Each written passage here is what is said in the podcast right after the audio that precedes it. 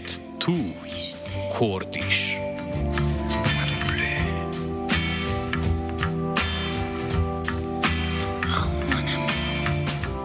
Levica je v dobrega pol leta delovanja v koaliciji liberalcev postala običajna stranka, osredotočena na nastavljanje lastnih kadrov, kolikor jih sploh ima, in zagotavljanje lastnega političnega preživetja v parlamentarni ureditvi. To je zdaj že tako vidno, da o tem skoraj tedensko govorijo v srednjih liberalnih medijih, kot sta večer in delo. Proces uveljavljanja levice kot liberalne stranke in ne več socialističnega gibanja, ki se je vsej, vsaj pred očmi javnosti znamenito začelo poleti 2017, je s podrejanjem Robertu Golobu in največji vladni stranki prešel v zadnji stadij. Nepovraten stadij, ko je vodstvo stranke z Luko Mescem na čelu bolj kot od podpore ljudstva v stranki, če ima to v strankarskih organih sploh še kakšno besedo, odvisno od podpore koalicijskih partnerjev in Roberta Goloba osebno.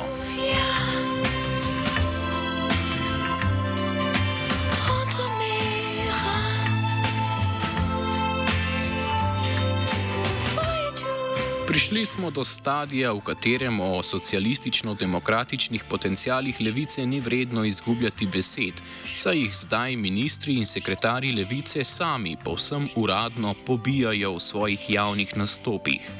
Preostane nam le še razprava o majhnih premikih v stranki kot stranki in ljudeh, katerih vloga v stranki je ohranjanje praznega upanja, da je izhod iz zadnjega stadija institucionalizacije še možen.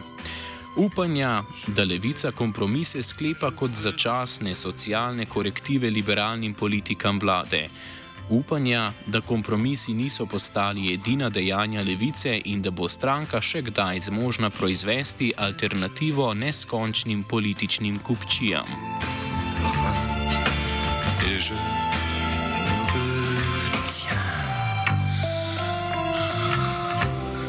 Glasnik tega slepega upanja je bil dolgo najglasnejši poslanec levice Miha Kordiš.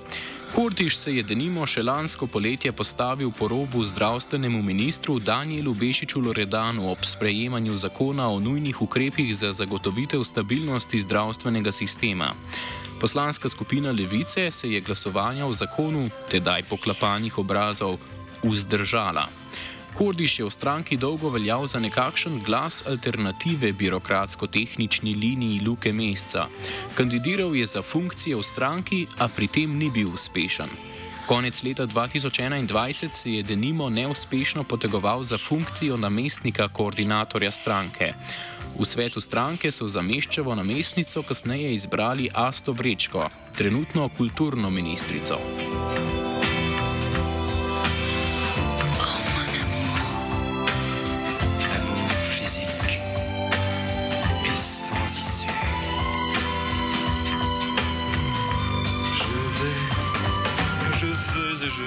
Svet levice je najvišji organ stranke v času, ko se kongres ne sestaja, kar se kot formalna ceremonija zgodi enkrat letno. Kljub temu, da Kordiš v svetu stranke očitno ne uživa prav velike podpore za prevzem funkcije znotraj stranke, je oktobra kandidiral za predsednika države. Uveljavili sta se dve plati analize njegove kandidature. Kordiš sam naj bi želel pokazati, da lahko z izpostavljanjem radikalnejših stališč levica doseže dober volilni rezultat, s tem pa prispevati k nekoliko ostrejšim javnim stališčem levice. Mesec naj bi Kordiša uporabil kot volilni lakmus za dokaz tega, da voljivci v resnici želijo omilitev javnih stališč levice. Volilni rezultat, ki je Kordiša uvrstil na zadnje mesto med predsedniškimi kandidati, je dal prav mesecu. Pri tem so pozabili, da je Kordiš kandidiral za najbolj aristokratsko funkcijo v državi, ki se je tako zgodovinsko kot formalno oblikovala v državniško avtoriteto za podajanje olikanih mnen, ki pa morajo biti predvsem odrasla. Predsedniška funkcija je čisto nasprotje tega, kar je želel biti Kordiš, torej mladi, zagnani, predvsem pa ljudski predstavnik. Njegov močan poraz je bil vsebovan že v kandidaturi sami. Miha Kordiš.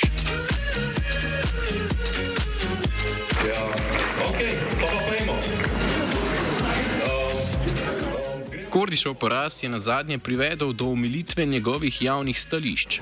Iz vokalnega kritika liberalnih politik vlade, če tudi je te največkrat izražal povsem na prvo žogo in brez materialne osnove, se je Kordiš preobrazil v kritičnega zagovornika vladnih dejanj. Tako je Kordiš minuli teden pozdravil odločitev Roberta Goloba, da v Ukrajino ne bo poslal novega orožja, kakor da bi Slovenija imela še kaj vrednega poslati. Kam se je pri tem izgubilo Kordišovo zauzemanje za izstop iz zveze NATO? In prav to bomo ta moment storili. Razglašam za sebe oziroma osvoboditev filozofske fakultete. Miha Kordiš.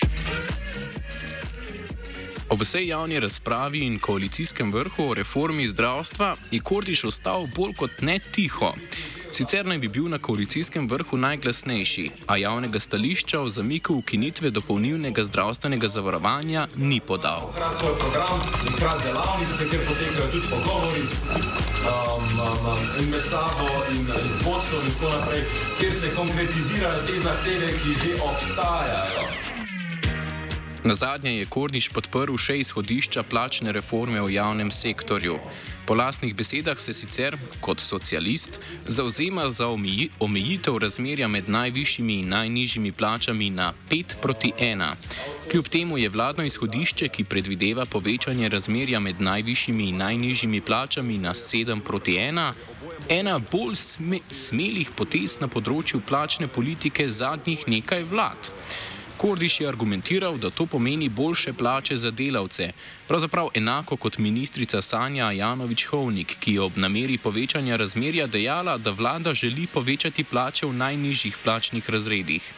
Ampak govorimo o javnem sektorju, v katerem tisti pod minimalcem tako ali tako prejemajo dodatek do minimalne plače. Povečanje razmerja pomeni povečanje najvišjih plač.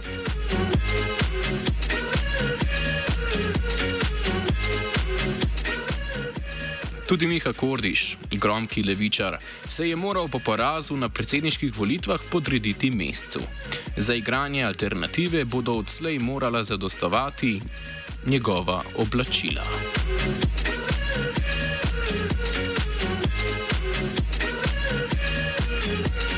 Miha Kordiš. In tako naprej, in tako naprej, in tako naprej. Komentiral je Martin. Oh. Oh. Oh.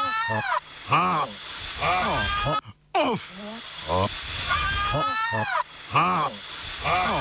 Off komentar.